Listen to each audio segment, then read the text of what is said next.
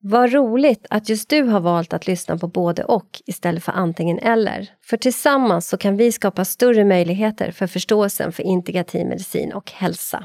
Är du intresserad av det här så bli gärna medlem i vår förening och en del av vårt nätverk. Mer information om det här kommer i slutet av avsnittet. Vi spelar in på psykoterapimottagningen Integrativ hälsa på Södermalm i Stockholm och vid min sida min ständiga sidekick, poddens producent Fredrik Ankarsköld. Min gäst idag är Martin Fransson. Varmt välkommen! Tack så mycket!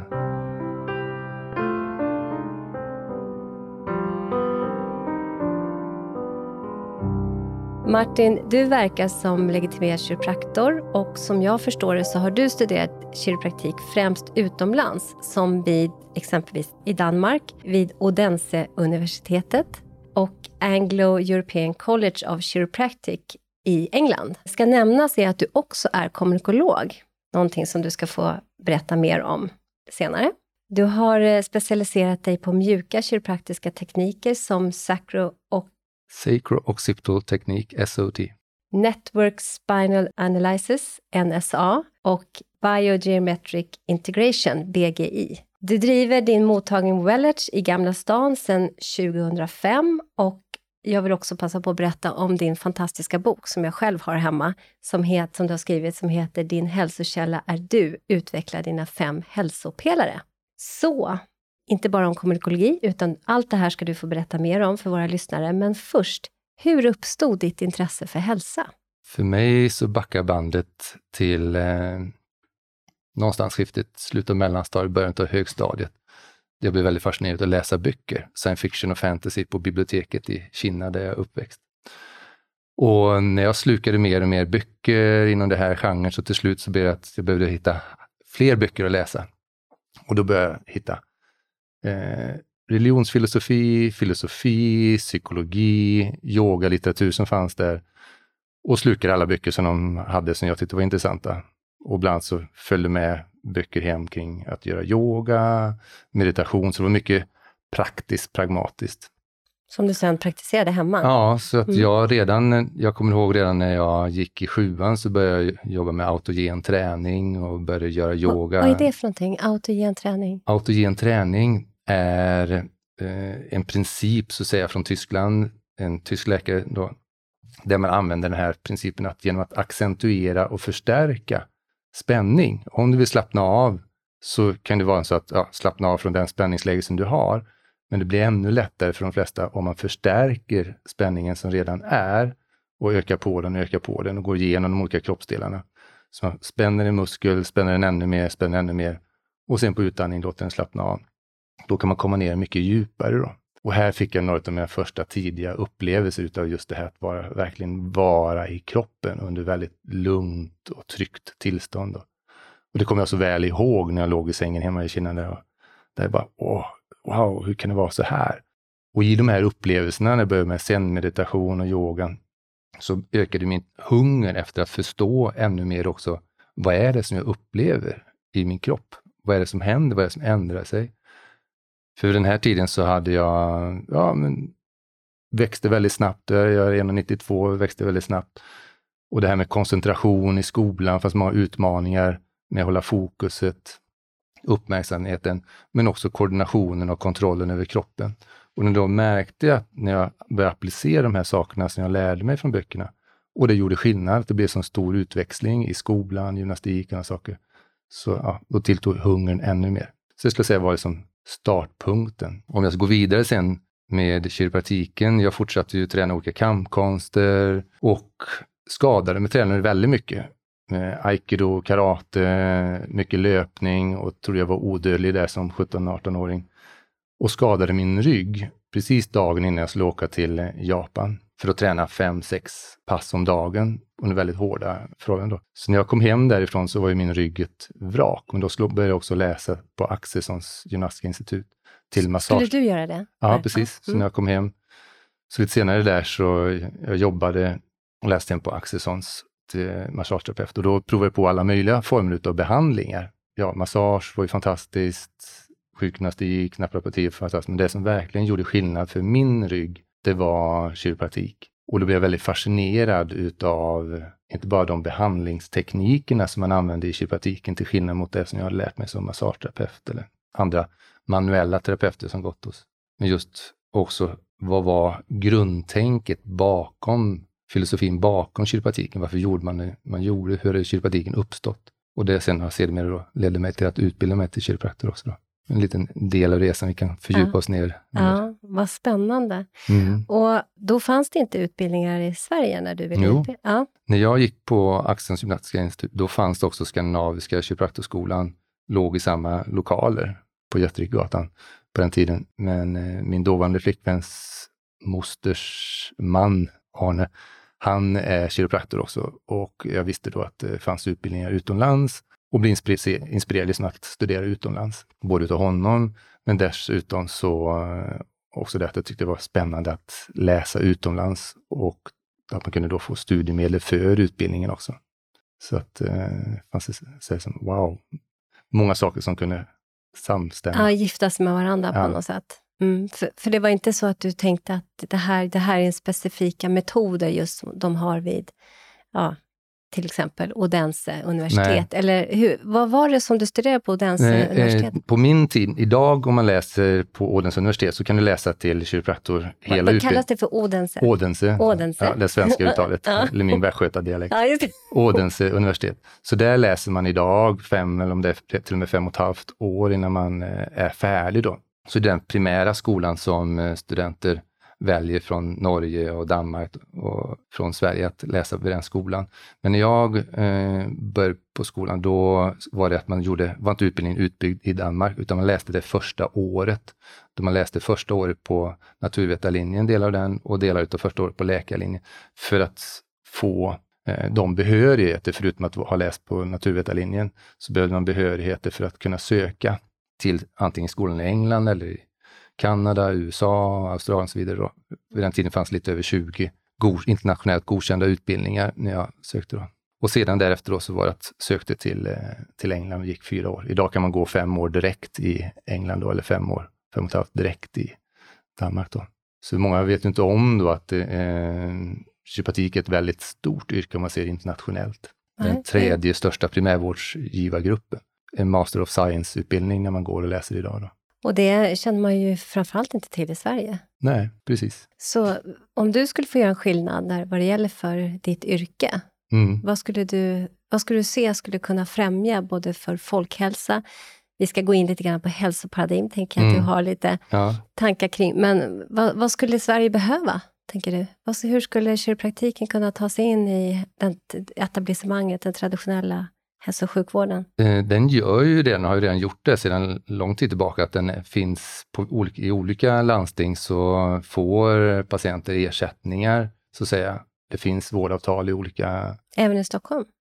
Eh, Det finns ett, när jag under många år så hade jag vårdavtal med min dåvarande kompanjon, eh, men det, det är ett väldigt tunt vårdavtal.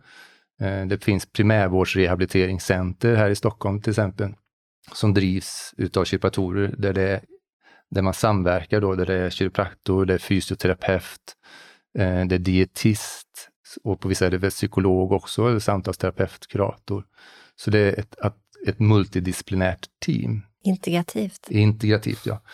Så väl jag vet så är ett incitament till de här primärvårdsrehabiliteringen, det är ju vad forskning visar på, att när vi samarbetar och kan liksom ha en dialog mellan olika discipliner och ta ett, ett biopsykosocialt perspektiv till människan, då så kan vi tillgodose individens behov mer och få bättre resultat. Och det bygger, tror jag, lite grann på att på ja, det var tidigt 2000-tal kanske där, så var de och tittade också från landstinget nere på Ringe ryggambulatorium, som är då där man gör sin praktik så som kiropraktorstuderande vid Odense. Så man är ambulatorium, ryggambulatorium, där det är just multidisciplinärt team. Då det finns läkare, det finns fysioterapeut och kiropraktor. Och jag kommer inte ihåg med psykolog, men det är, man tar ett helhetsgrepp.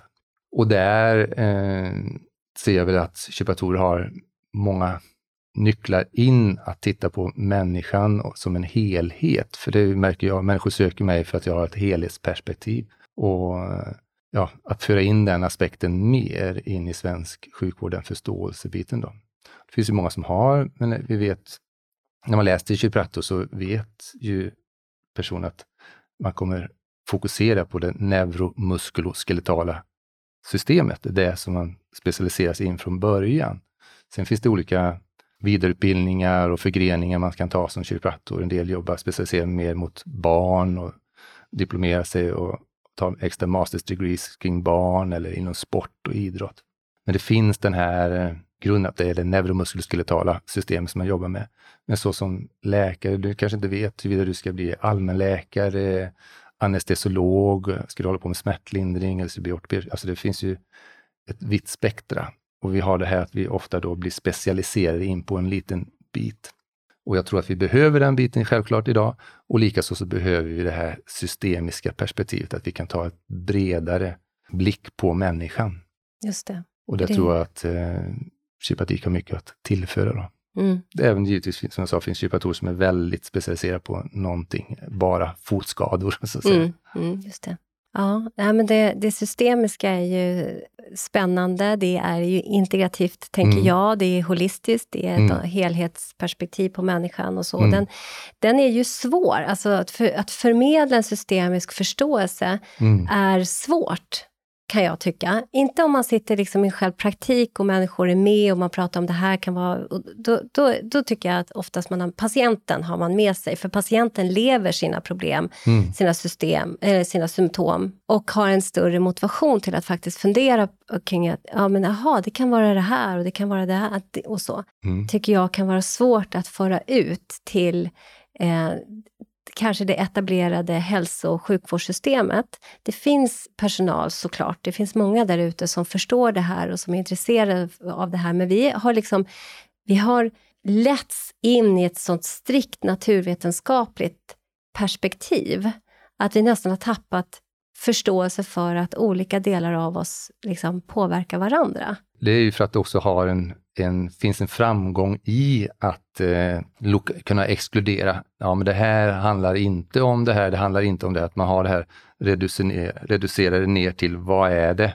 Så att säga, det tänk, det reduktionistiska tänket. Så det har ju haft en väldigt stor framgång så att säga i vetenskapens framväxt, så att, säga, att vi tar bort så många parametrar eller faktorer som förmodligen inte har inverkan på systemet. Men det har ju också då lett till att hjärnan blir så tränad på enkom det, så att det kan också då därmed exkludera saker och ting som faktiskt, Mm. Kognitiv bias, ja helt enkelt. precis, Ja. kognitiva, som faktiskt har inverkan. Ja. Och vi är ju en helhet så att säga.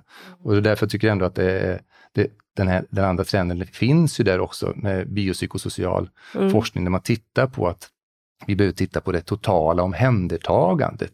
Vad händer i interaktionen mellan den som söker för sina besvär? Vilket system ingår de i familj? Vad är det för några valda sanningar som finns i familjesystemet på arbetsplatsen? Och så som terapeut som kommer till, så säga, vad, vad är det för några valda sanningar jag sitter med beroende på min utbildning och erfarenhetsbasis, så att säga. Vad händer där? Men också i den miljön som kommer till. Jag var, har ju jobbat här på förmiddagen och ska ha semester nu, så bara tänk på en patient där som eh, sa ja, vad, vad kan jag gå till i sommar? Så, ja, men gå till det här stället. Nej, ja, nej. Och så beskriver hon miljön där då. Alltså det här, hur är färger, hur är luften, hur är musiken? Vad, det är så många faktorer som bidrar till vårt välmående och läkningsprocessen. Och det här är ju härligt att det börjas ta ett sånt mer bredare grepp, att det finns mer och mer kring det. Som en Absolut. motvikt mot det Mm. här som vi har spenderat mer tid med då, att titta på in på detaljnivåerna. Mm. Som också är bra naturligtvis, Yes, att, ja, och implementera Ja. det liksom i en, en mer systemisk förståelse.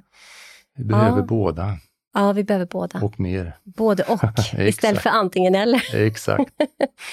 Ja, jag verkar som psykoterapeut och jobbar ju ofta med par och familjer. Mm. Och när en, en, ett par eller en familj kommer hit, så, så där kan jag också tycka att det, vi, vi beh behöver ägna en del tid, beroende på förstås vilka människor som kommer in. Men vi be behöver liksom ägna en del tid att för, liksom, förstå system tillsammans. Att ja, men det här, det kanske ser ut som det är den som är orsaken till allt problem. Men Mm. det är ju i relation till den här som jag tänker att Nora Bateson, har du hört hennes, Catherine Batesons utsago där, sen hon satt och lyssnade på Gregory Bateson när han jag tror att det var så, eller om det var hans fru. De hade i alla fall någon form av familjebehandling eller familjeterapi. Och så satt hon vid sidan om och tänkte så här, åh my, herregud, det där barnet, det är förskräckligt. Det orsakar alla problem i den här familjen. Och så gick det några sessioner och så, nej, den, nej, det, nej, det är inte barnet, det är mamman. Herregud, det är mamman som orsakar alla problem i familjen. Och så gick det några sessioner till, så det är pappan. Till hon till slut kom fram till, nej, nu vet jag, det är psykoterapeuten. Mm, mm. Men ändå det här som du beskriver, att mm. liksom, mm. så fort vi kliver in i en eh, grupp av människor eller djur, eller mm. miljö, alltså det är system överallt, så är vi med och påverkar. Den eh, förståelsen för hälsa tror jag är framtidens kunskap om hälsa. Vad skulle du säga om det? Definitivt.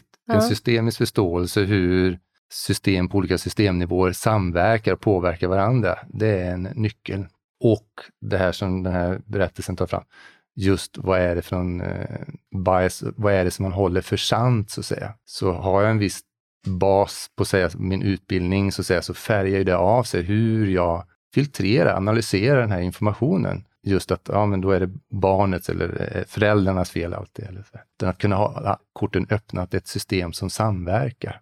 Uh, och det här har ju hållits på med sedan uh, urminnes tider. Bara inom psykologin så har det liksom varit sedan slutet av 1800-talet, tidigt 1900-talet, som man har skrivit ner mer kring det. Och vad händer när man för in hela familjen istället för att man bara sitter med den som söker hjälp? Så säga. Vad händer då? Helt plötsligt så har du någonting helt annat som kommer. Och ofta går upp. behandlingen mycket fortare. Ja. När vi har alla på plats. Mm. Ja. Vad spännande. Det här för ju oss onekligen in på kommunikologin. Ja. Vill du, du, du använder dig av kommunikologin? Ja, det som jag har lärt mig under utbildningen till att bli kommunikolog utav Truls Flein och Jorun Sjöberg. Jag vill säga att eh, utav alla utbildningar som jag har, så även om jag då har utbildning fem år, grundutbildning till legitimerad kiropraktor, jag har ett sjätte år för att sen få legitimationen och tusentals timmar med olika intressanta utbildningar inom neurologi, funktionell neurologi och så vidare. Och så vidare så eh, den utbildningen till kommunikolog sätter jag störst värde på i hänsyn att det underlättat för mig att integrera alla dessa här discipliner, kunskapsfält som jag har studerat genom åren till en helhet och se vad är det som det här handlar om, verkligen handlar om. Vad är nyckelbitarna i all denna kunskap som jag har tillägnat mig? Så att det inte blir eh, spretar åt olika håll. Ja, men det här kommer från det här och det här kommer från det här.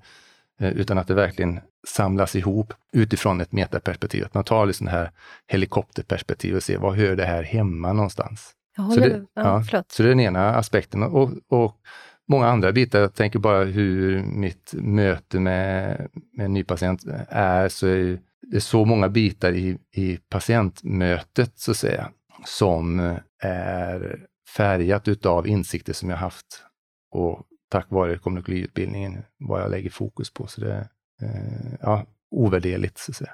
Ja, nu är jag ju inte färdig kommunikolog. Mm. Vi kanske också ska bara nämna vad kommunikologutbildningen är för någonting. Kan du säga några, någon... Eh, ja, den är ju uppbyggd på i sig själv ett helt fantastiskt eh, sätt hur de har byggt upp utbildningen, där det är både teori och praktik som är samverkar.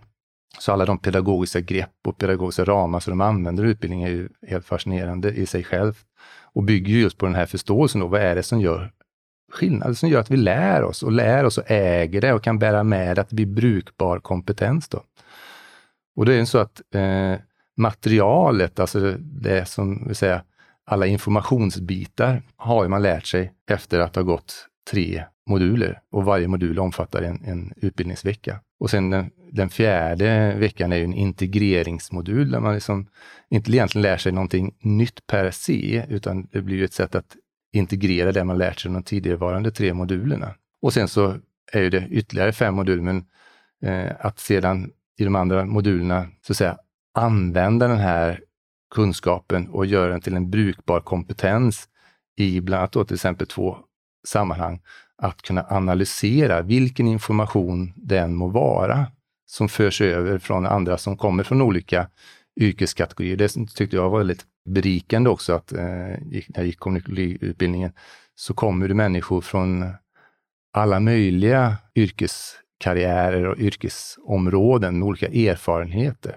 Och sen så då skapas det en samförstånd kring hur man jobbar, oberoende om man jobbar terapeutiskt eller jobbar i ett helt annat sammanhang.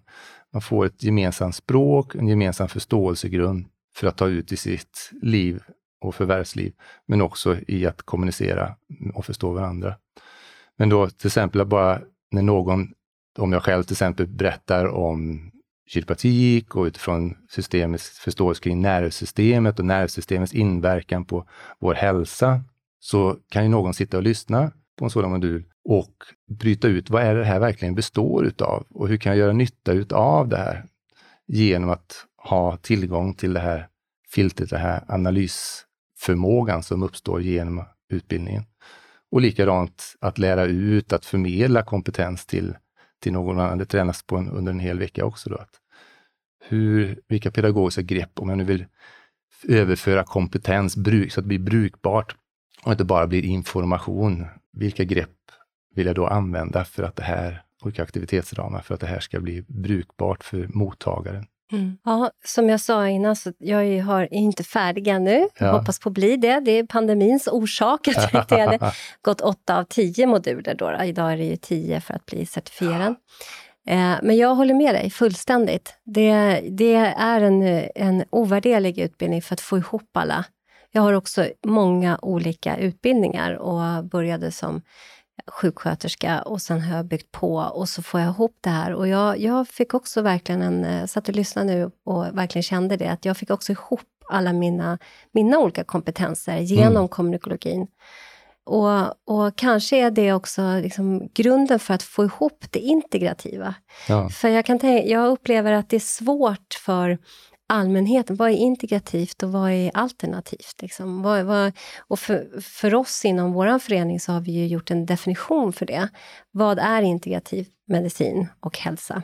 För oss är det då det står på fem ben, att det är traditionell hälso och sjukvård, det är en, ett integrativt synsätt på psykosoma, det är eh, nutritionens, vikten av nut rätt nutrition för den enskilda personen, vikten av fysisk aktivitet, rätt långsamt eller snabbt eller både och.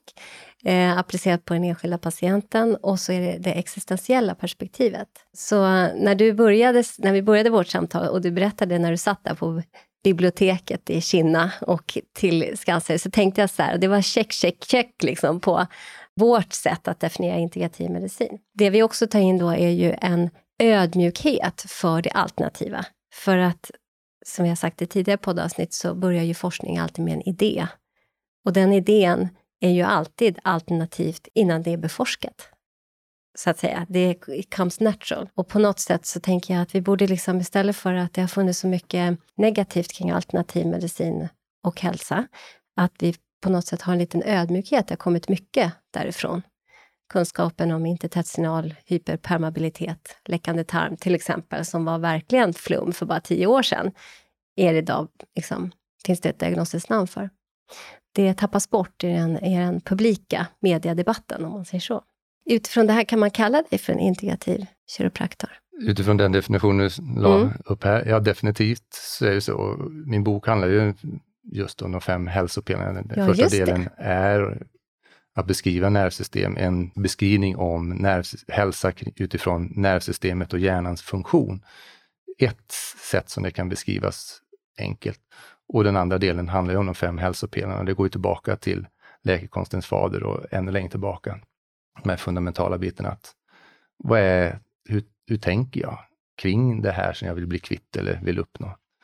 De valda perspektiv som har då hur essentiellt det är. Och att andas rätt, äta rätt, dricka rätt, röra sig rätt, sova och återhämta sig rätt. För just dig, utifrån de förutsättningar där den här personen är då, att finna ut vad är och hur finner jag ut så att säga, vad är passande och lämpligt och stödjande och närande för mig där jag är.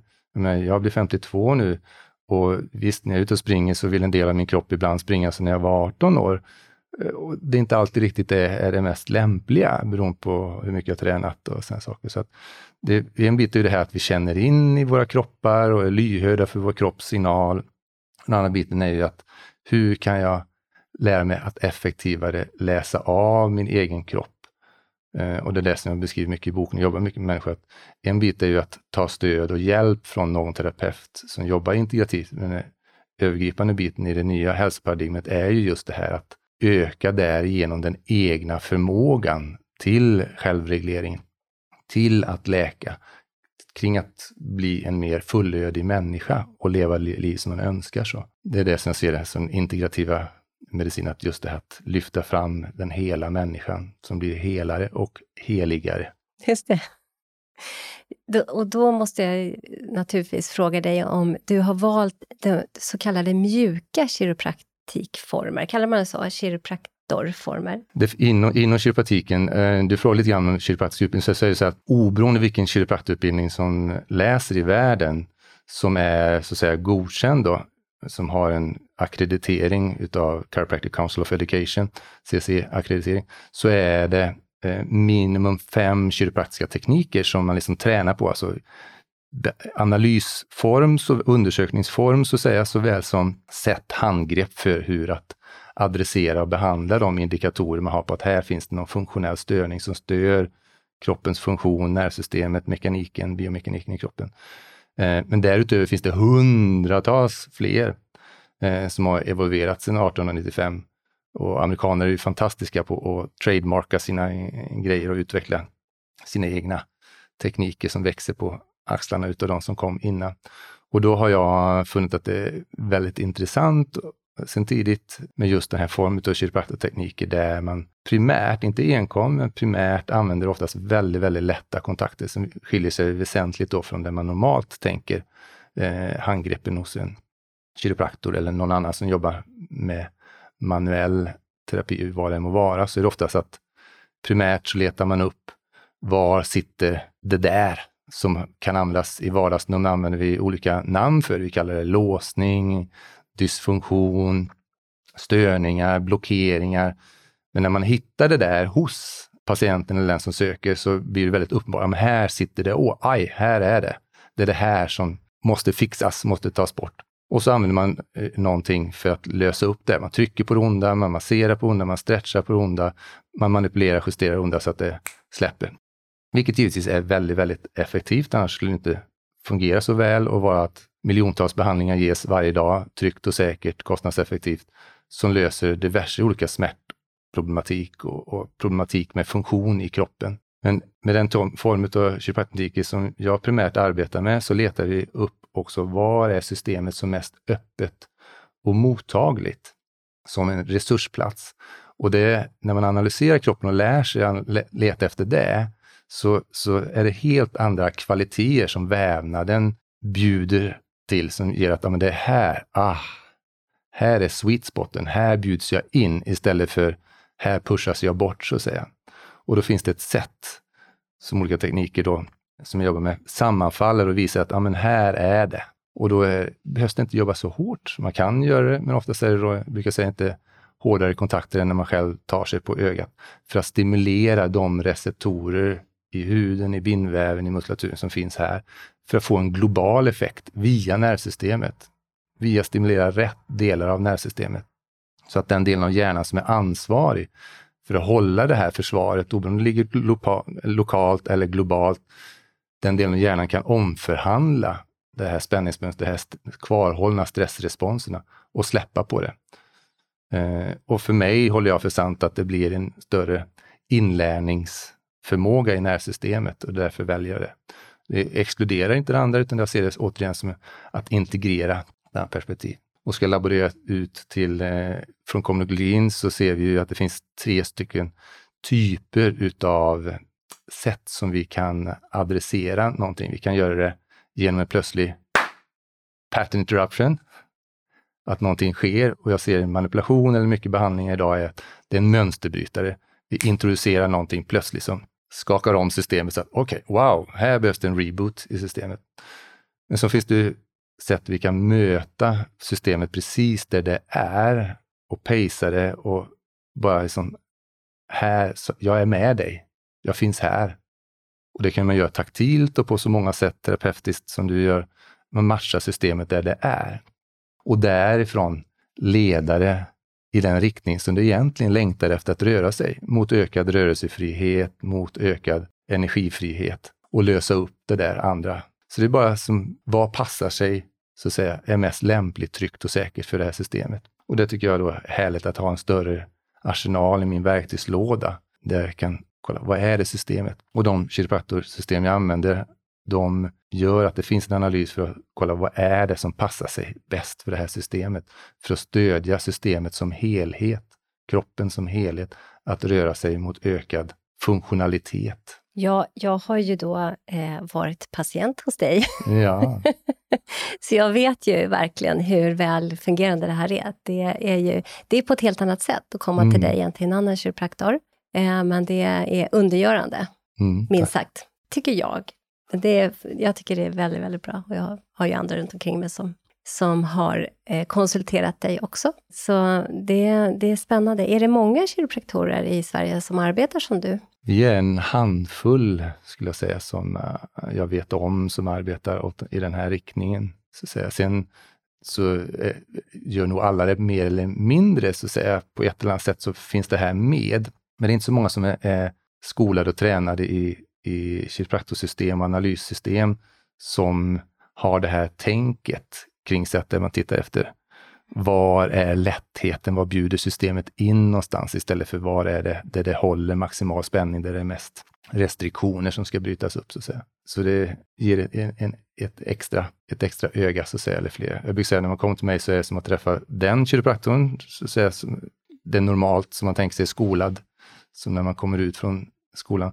Och sen har jag byggt på så att det är som att träffa fem, sex, sju olika kiropraktorer. Läste upp några utav de tekniker jag använder. Jag har egentligen fyra till som jag är det någon du vill nämna så här när vi pratar om det? Eh, ja, det finns så många, amerikaner är ju väldigt duktiga på att trademarka och sätta sina etiketter, men några av dem som sen jag uppdaterade på min, inte uppdaterade på min hemsida när jag skickade det här märkte jag, så är det en teknik som heter Core and Specific Teknik, KST, en fantastisk kiropraktor som jag haft hit. Så jag brukar ta hit duktiga kiropraktorer till Gamla stan som, för att lära mig själv och för att ge fler kiropraktorer möjlighet att bli exponerade för de originators, alltså de som har kommit på och upp, gjort unika upptäckter så att säga, då, och integrerat olika kiropraktorsystem, men också integrerat från andra hälsodiscipliner.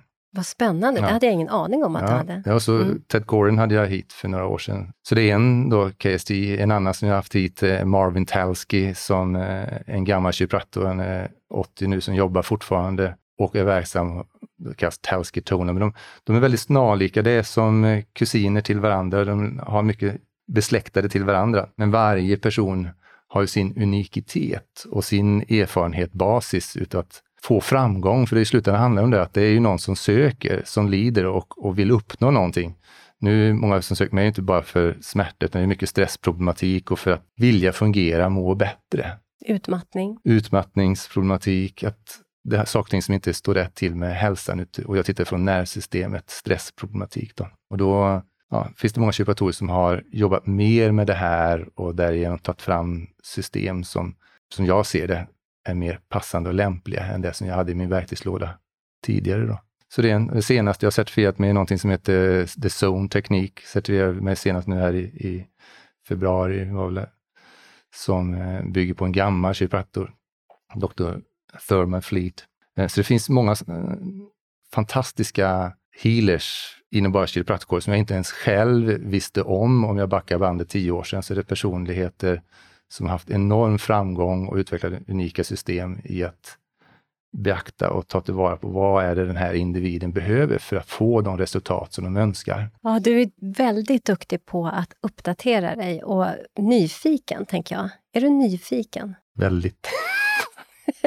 Började där i Kinna på biblioteket? Det började kanske tidigare, men det är det som är väldigt uppenbart för mig. Den, ja. den, eh, Sa du hur gammal du var när du satt där först? Det var på mellanstadiet som började vara mer på biblioteket och så jag tror någonstans där i sjätte klass som jag började.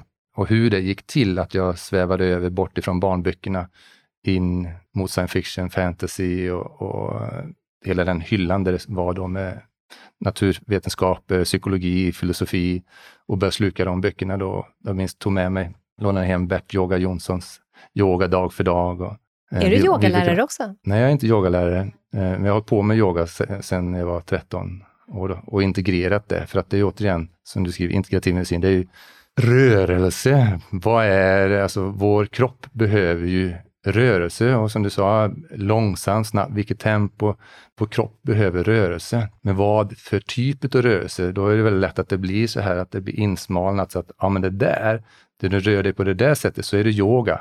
Och rör du, gör du posen på det där sättet och i det där tempot, tempot, ja då är det yin-yoga. Gör du det så här så är det ashwagandha eller nej, någon annan yogastil så att säga då. Så det är det här trademarkingen utav det och det har ett värde och samtidigt backa banden och ta ett paraplyperspektiv. Vad är funktionella rörelser som stödjer en omförhandling i nervsystemet hos just den här individen? Och då plockar jag ifrån diverse rörelsetraditioner. Eftersom jag har hållit på med kamkonster sedan jag var 13 år, så plockar jag från österländska traditioner som jag har liksom praktisk erfarenhet och praktiserat hela mitt liv. Såväl som saker och ting från sensormotorisk stimulering som kommer ifrån Feldenkrais, alltså det finns många som har upptäckt saker och ting. Men vi tar och nystar ut vad är essensen utav det här som de har kommit fram till och hur kan vi sätta ihop rörelser som stödjer individen.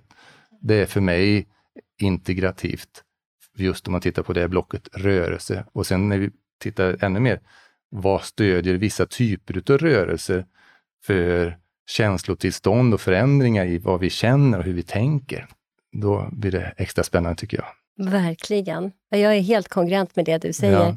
Man skulle kanske kunna använda ett kommunikologiskt eh, en kommunikologisk förklaringsmodell på att det man kan hitta gemensamma nycklar. Mm. Kan man säga så? I någonting som sen man kan applicera på ett, menar, en förståelse för olika metoder kanske ja. till exempel, men också förståelse för den här omförhandlingen, att man hos den enskilda. För jag jobbar också ju så i, med par och familjer och även individualterapier, att man behöver hitta vart, vart någonstans är det möjligt med en omförhandling? Mm. Och det är ju naturligtvis lika många olika utgångslägen som det finns patienter. Ungefär. Det, det, är så spännande så att det, det, man kan bara sitta och lyssna på dig så här. Men hälsoparadigm, vi, eh, vad tänker du? Om hälsoparadigm nu. Vi, har precis, vi är uppe i en pandemi som har fram och baksidor, brukar jag säga lite provokativt hävda.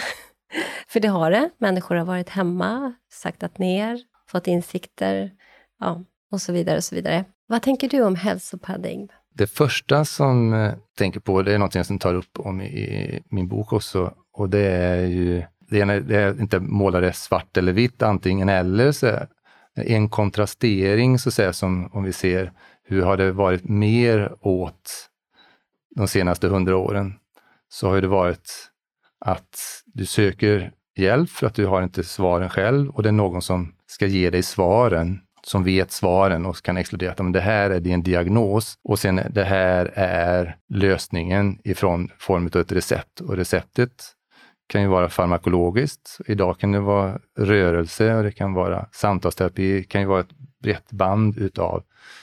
Men det är någon annan som tillhandahåller lösningen, har det varit väldigt mycket. Och kanske inte så mycket att patienten har fått aktivt göra valet. Vad är det, vad är det, varför tror jag att jag har den här problemen? Vad är sant för mig? Vad är det för några insikter jag har om det här? Vad är det som skulle passa mig? Eh, och det är väl en rörelse som har skett under de senaste decennierna, att mer och mer så blir patienten en mer och mer utbildad patient som själv ställer frågor och tittar, vad kan jag göra för mig själv? Och, och så att, säga, att det blir mer interaktivt mellan terapeut och klient eller patient. Och det, den förflyttningen ser jag då är mot ett, det nya paradigmet där det är mycket mer att patienten tar mer ansvar för sin egna hälsa och är mer insiktsfull, så att säga. Och att, som terapeut är man där och som ett bollplank är där och filtrerar. Och, ja, men känner du till det här? Ja, det där kanske är jättebra. Men faktum är att utifrån erfarenhet och forskning så vet vi att kanske det här skulle vara mer, ge bättre resultat och vara mindre riskfyllt om du väljer den här interventionen. Så att säga. Så den här rörelsen har ju skett och jag ser att den kommer fortgå förhoppningsvis. Att röra sig bort ifrån den här auktoritära skrämselstilen. Gregory, Gregory Batesons eh, han, han utvecklade ju andra ordningens cybernetik, men då pratar vi om första ordningens cybernetik, ja. när man kommer in som expert och talar om mm. hur den andra behöver göra, istället för att då in samverkan, samforskande. Förstår ja. Jag tror också det, och det är en av de framsidorna som jag tänker att den här pandemin har gjort, för vi vet ju inte varför vissa blir väldigt mycket sämre än andra och så vidare. Det kommer ju förmodligen vi förstå mer om och där tror jag att vi som verkar inom integrativ medicin har mycket att komma med. Ja. Så jag brukar säga det att integrativ medicin brukar ha, liksom som jag ser det, har sin främsta position pre och post och komplementärt under annan traditionell behandling som ges till exempel inom hälso och sjukvården. Och då finns det liksom inget motsatsförhållande.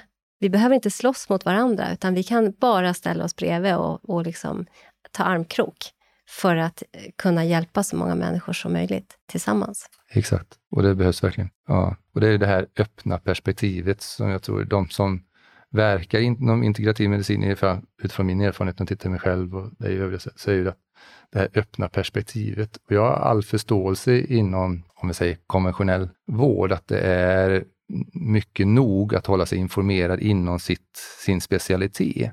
Eh, så att det blir inte så lätt att ta ett bredare perspektiv. Det blir, kan bli lite skygglappar och det kan bli stressande att förhålla sig till andra saker som, om vi tittar på ortomolekylär, alltså funktionell medicinbiten, att ta in sådana saker när man själv kanske inte har så mycket skolning i grundutbildning till läkare, så läser man inte mycket närings och näringsämnen och sådana saker. Det är inte en, en stor bit utav Nej. det. Vi hade doktor Linus Mårtensson här och, som pratade om att det i praktiken räckte med att vara sjuk en dag, så missar man hela utbildningen i näringsmedicin. Mm.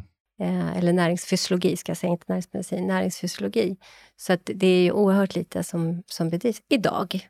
Det ju, har ju sett annorlunda ut andra tider, men eh, idag ser det ut så. Och så att en läkare, en traditionell läkare, behöver liksom fördjupa sig i det, utöver sin läkarkompetens. Och det är viktigt att veta att det är på det sättet. Precis, precis. Jag läste på din hemsida, och den kan vi ju passa på att nämna om man vill hitta dig någonstans, så är det ju på wellage.nu. I Gamla stan finns din mottagning. Hur verkar ni där? Alltså hur, vilka är ni som jobbar där? Är det du själv eller hur? Det är jag som har grundat Wellage 2005 och idag så är det flera terapeuter då som hyr in sig hos mig. Och den gemensamma grunden vi har som arbetar där, jag är lite mer kiropraktor, de andra, Pauli och Helena, är då specialisering mot trauma, chocktrauma och anknytningstrauma. Och förståelsegrunden är ju kring nervsystemet. Så oberoende hur de verktygssätt, applikationer som vi använder, så är förståelsen kring hur fungerar vårt nervsystem? Hur responderar vårt nervsystem på stress? Oberoende om det är ett chocktrauma, att det är någon olycka man har varit med om, eller någonting som i alla fall nervsystemet upplevde så som chockartat och som inte har klarat av att överkomma och integrera. Eller om det är anknytningstrauma, problematik med anknytning till de nära och kära under uppväxtåren, så att säga. Från där man ligger i mammas mage och uppåt. Hur har det färgat av sig på nervsystemet och därmed också på hela organismen, hela systemets förmåga till att självreglera sig själv, att vara i hälsa och klara av stressorer oberoende fysisk stress, mental stress, emotionell stress, kemisk stress. Hur kapabelt, hur mycket frihet finns det i flexibilitet finns det i systemet? Och det tittar vi då från en förståelse kring hur nervsystemet håller kvardröjande responser kvar, som drar ner kapaciteten att möta utmaningar, oberoende vilken typ av stressorer, även då i det psykosociala sammanhanget, då, att relatera till medarbetare, till familj. Hur speglar sig det gamla från dåtiden in på nuet och färgad och skapar en framtid som ingen kanske önskar fullt ut. Då. Just det. Kan man säga att det är en isomorfi, gemensamma mönster, ett gemensamt mönster på väldigt många olika nivåer? Ja, det är en samförståelse. Så säga. Och det är som, om man nu tittar på ett metaperspektiv, så, så integrativt så ser vi att det som kommer samman och som gör att olika discipliner kan börja prata lättare med varandra, är, kan ju vara många olika aspekter. Kommunikologi kan vara ett så att säga, om vi går ner på en lite lägre systemnivå så kan förståelse kring hur nervsystemet fungerar och hur vår organism fungerar från cellnivå och uppåt och all den forskning som har tillkommit under de senaste decennierna och som det bara kommer mer och mer kan ligga som en otroligt god plattform för att förstå varför använder du den där tekniken? Varför har du det förfaringssättet? Okej, okay, ja, får du de resultaten? Okej, okay, hur, vad gör det här med organismen, med systemet? Hur, vad har det med de fundamentala aspekterna ifrån hur cellerna organiserar sig till organsystem styrda under nervsystemets dirigent, så att säga. Då.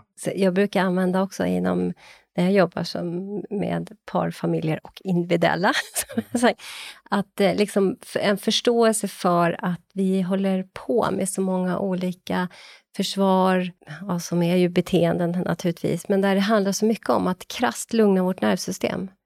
Och det blir lättare att prata om alla möjliga, exempelvis ja, beroenden eller problem med relationer eller vad det nu kan vara för någonting. Att vi använder oss av olika sätt, strategier, stimulantia och så vidare för att lugna vårt nervsystem. Därför att vi måste göra det för att överleva. Vi kan inte hela tiden vara i sympaticus, utan vi måste tillbaka i parasympaticus. Plötsligt går det att prata så enkelt om det där svåra eller skamfulla eller det som ger oss så mycket skuld. Så att det är mm, spännande att ni jobbar utifrån det och också jag då som psykoterapeut tycker ju det här med anknytningstrauma och relationella trauman är ju jättespännande. Kanske får anledning att fördjupa mig mer i det tillsammans med er på sikt. Flera av de som har varit med på podden har liksom gemensamt att de hela tiden ställer frågan varför. De är nyfikna och varför. Och genom sitt varför så blir det liksom, tar aldrig den där nyfikenheten att studera mer slut på något sätt. Så med, det, med den tanken då om framtid, hur, ser, hur tänker du kring vad är ditt nästa? Vad kommer du göra? Vad är dina planer? Ja, det är, jag gillar att utbilda att eh, hjälp till självhjälp, så att säga, att utbilda, lära ifrån mig saker och ting som jag har sett har varit lättast att applicera och integrera så att det blir av. Och om det handlar om sätt att tänka rätt eller andas rätt eller röra sig rätt och beröra varandra, hur man faktiskt kan behandla sig själv och varandra genom hur man lägger händerna på kroppen. Eh, så de bitarna driver mig och tycker jag om. Och nu har ju 2020 varit ett år det har varit, eh, ut, utöver det terapeutsamma så har det inte varit några gruppaktiviteter som jag har hållit på med så det ser jag fram emot att kunna starta upp nu till hösten. Och det som är intressant är vad är det som driver för mig är det kanske inte så mycket varför som vad mer är möjligt. Hur blir det bättre än så här? Jag förstår. Så det, att liksom det, på något sätt optimera kvalitet, alltså mer, hur kan man göra det här bättre och bättre och bättre? Och bättre? För, för allting som jag, alltså redan när jag kom ut från skolan så hade jag ju fenomenala resultat med patienter som sökte mig och jag kunde stanna där. Men det fanns den här driven, nyfikenheten. Vad mer är möjligt? Hur blir det bättre än så här? Och den, den lockelsen. Och nu är det då att integrera allt det som jag under min 25-åriga karriär som kiropraktor det blir 25 år sedan jag gick ut eh, skolan i, i somras. Då. Gick ut 96. eh, och innan dess så är det den här integreringsprocessen. Jag adderar ju till och samtidigt är det att ännu mer integrera, integrera och vidareföra då. Inte bara teach, utan det här att dra fram ifrån genom att ställa frågor till de som kommer. Vad är det du gör redan? Vad är det som funkar? Att lägga ut pilen för vart är det de är på väg? Eh, och jag har lite bokprojekt ytterligare till mig. Något du vill nämna? Ett är väldigt eh, kort, enkel, där sen jag skrev min förra bok då, 2011, så är den här eh, bygger den på ännu mer väldigt pragmatiskt. Vilka är liksom de... Core keys på något core sätt. Keys, kunna, ja. ja. det här är liksom 0, 1, 2, 3. Vad är det som behövs för att dina celler ska ha energi och vitalitet? Upp på organnivå, upp på nervsystemsnivå, upp på hjärnans nivå, upp på systemnivå. Vad är de mest framgångsrika sakerna, de mest lätt applicerbara sakerna som du kan välja att introducera i ditt liv, som kan göra störst utväxling och som är tryggt och säkert att applicera då, närande och berikande. Så rena. Och sen har jag ett annat bokprojekt som eh, är lite djupare, för att kiropraktik för mig, det som verkligen, verkligen lockade mig, det är ju det att jag har hållit på med meditation, zen-meditation och yogan, kampkonstläggning. Då finns det en övergripande bit som tittar på body, mind, spirit. Och för mig är det helt sant att vi är själar som går vidare och det här är ett utforskningsvässel, så att säga, våra kroppar. som vi använder. Vår köttfarkost. Vår köttfarkost, fast det, det, är ju hur man tittar på det, det mesta det är ja. bara tomrum. Så att, ja, det, att väva in den här, mm, mm. alla de här aspekterna till det då, att vi, vi är vibrerande energi, rymd och medvetenhet. Absolut. Som förkroppsligas. Ja. Vad innebär det att vara levande? Att vara en ande som verkligen lever och verkligen är förkroppsligad. Och det stämmer överens då för kiropratikens fader då, det är kanske inte så många idag som tillskriver sig vad han stod för. Men för mig, eh, Didi Palmer, och för honom, det han sa som var det övergripande syftet med kiropraktiken, det var inte att kurera människor primärt, utan det leder ju till, om du har ont, så är det inte så lätt att känna dig fullt levande och vara helt närvarande. Och det kan göra det. Men att se det här du än söker för, så som en mönsterbrytare som kan göra och leda till att du kan vara ännu mer förkroppsligad. Så det han sa att kiropraktikens övergripande syfte var det unify man physical with man spiritual. Så att kroppen strävar uppåt till att bli mer förandligad och vår ande kräver efter att bli mer förkroppsligad. Och det här mötet, den här unification däremellan. Då. Och det är ju, tittar man på alla spirituella traditioner, vad vi nu sett för namn, så, så finns det här då. Och sen tenderar vi att filtrera bort det här. Där finns det ett bokprojekt och en utbildningsprojekt för att verkligen leverera mer utav det de nästkommande decennierna. Och det handlar också om närvaron med döden, som jag tror har blivit så mycket mer närvarande i våra liv under 2020. På, man kan säga gott eller ont, men det har kommit in i våra liv. Det är väl aldrig så många som har skrivit testamenten och varit inne på Fonus och tittat på att döden finns där. Vi kommer alla att dö. Men vad är det som dör? Och vad är det som går vidare? Och vad är det som dör i varje ögonblick? Och vad är det som går vidare i nästa ögonblick? Vi har liksom dissocierat ut döden i, i våra liv. Liksom. Ja. De har blivit, det händer på institutioner och vi behåller ungdomen ja. så länge vi bara någonsin kan. Och då lever vi inte, vill jag hävda. Jag har jobbat också inom palliativ vård, att vi behöver umgås med vår död, för att det är först då vi verkligen lever och tar vara på de här minuterna timmarna, ja. dagarna, månaderna, åren av de, det liv vi har fått. Liksom. Tror vi att vi är odödliga, så, men då kanske vi slösar bort en massa på, på sånt vi kanske inte skulle ha gjort om vi faktiskt förstår att ja. vi ska dö. Så jag, jag tror, jag håller helt med dig. Jag, jag, verkligen, det är viktigt att implementera döden i vår, vårt liv mm. och vår förståelse. Men, eh, nej, men att det är väldigt, väldigt, väldigt viktigt med döden. Och det här med yogan och det, som du beskrev, eh, både mind spirit, den eh, på jag ju också jag är, och är yin-yogalärare och vill ju vara mest av allt i, den, i yogans värld. Där trivs jag väldigt, väldigt bra. Så att jag ser verkligen fram emot dina böcker. Ja. Verkligen. När, när tror du att de kommer ut? Eh, ja, den första delen där med de här pragmatiska tipsen, så där, då har jag ambitionen att det ska vara klart till julafton 2021. Här nu då. Den andra 2022 eller 2023, absolut senast 2027. ja, vad bra. Så då börjar vi närma oss vårt slut på det här fantastiska ja. samtalet. Men innan vi avslutar så vill jag bara fråga om det är någonting du skulle vilja eh, passa på att ta upp eller säga någonting om som du känner att jag inte har frågat dig om eller så? Tror vi berörde det så att säga och jag tänker att det kan vara väl, för det ser jag som en essens i läkning och integrativa medicin, just vad är det för några valda sanningar? Vad är det för några grundperspektiv som vi kommer ifrån vad det gäller hälsa, ohälsa, att vara sjuk, inte sjuk, skalan som finns här. Att verkligen se över de valda sanningar som har köpts in i. För paradigmskifte handlar ju om att man vänder på de här stenarna. Och det innebär inte att saker och ting liksom är förkastas, utan det kan vävas in och integreras. Att det inte handlar om ena eller det andra, utan vi får en mer helhetsförståelse kring hälsa och ohälsa. För idag, som du berörde, så har det blivit väldigt mycket skambeläggning utav vissa saker, vissa typer utav sjukdomar eller åkommor söker människor alldeles för sent för. för det känns liksom inte ja, fult att söka för. Eller. Så att öppna upp det här att eh, det är alla vårs rätt att välja för oss själva, för våra kroppar, för våra själar. Vad är det som är närande som gör att du kan leva det liv som du är här för att leva? Martin Fransson, stort varmt tack för att du ville komma hit och gästa vår podd. Tack. Och att du gav oss din tid. Tack.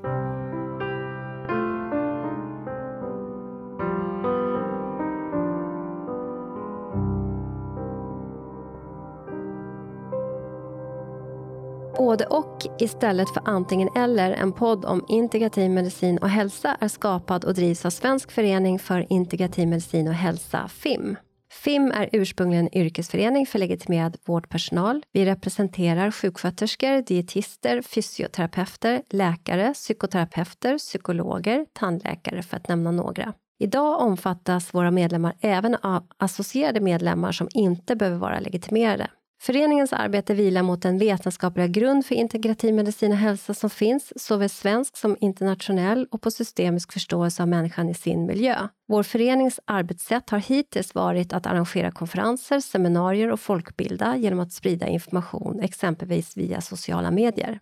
Vår strävan inom integrativ medicin är att vara en organisation som vågar lyfta och ifrågasätta, motverka polariseringar genom tvärvetenskapliga dialoger och sokratiska samtalsregler. Vi vill kartlägga forskning som bedrivs, även internationellt, och hålla koll på aktuella forskningsresultat om behandlingsmetoder, både vad det gäller den etablerade vården liksom den vård som bedrivs utanför den etablerade vården. Sokratiska samtalsregler innefattas i den sokratiska samtalsformen som egentligen all grundläggande kunskap är sprungen ur, men som ibland till och med lyser med sin frånvaro i dagens public service. Så bli gärna medlem hos oss, för tillsammans kan vi förändra. Och hur du blir medlem hittar du via vår hemsida integrativ-medicin.se. Vi ses och hörs i nästa avsnitt.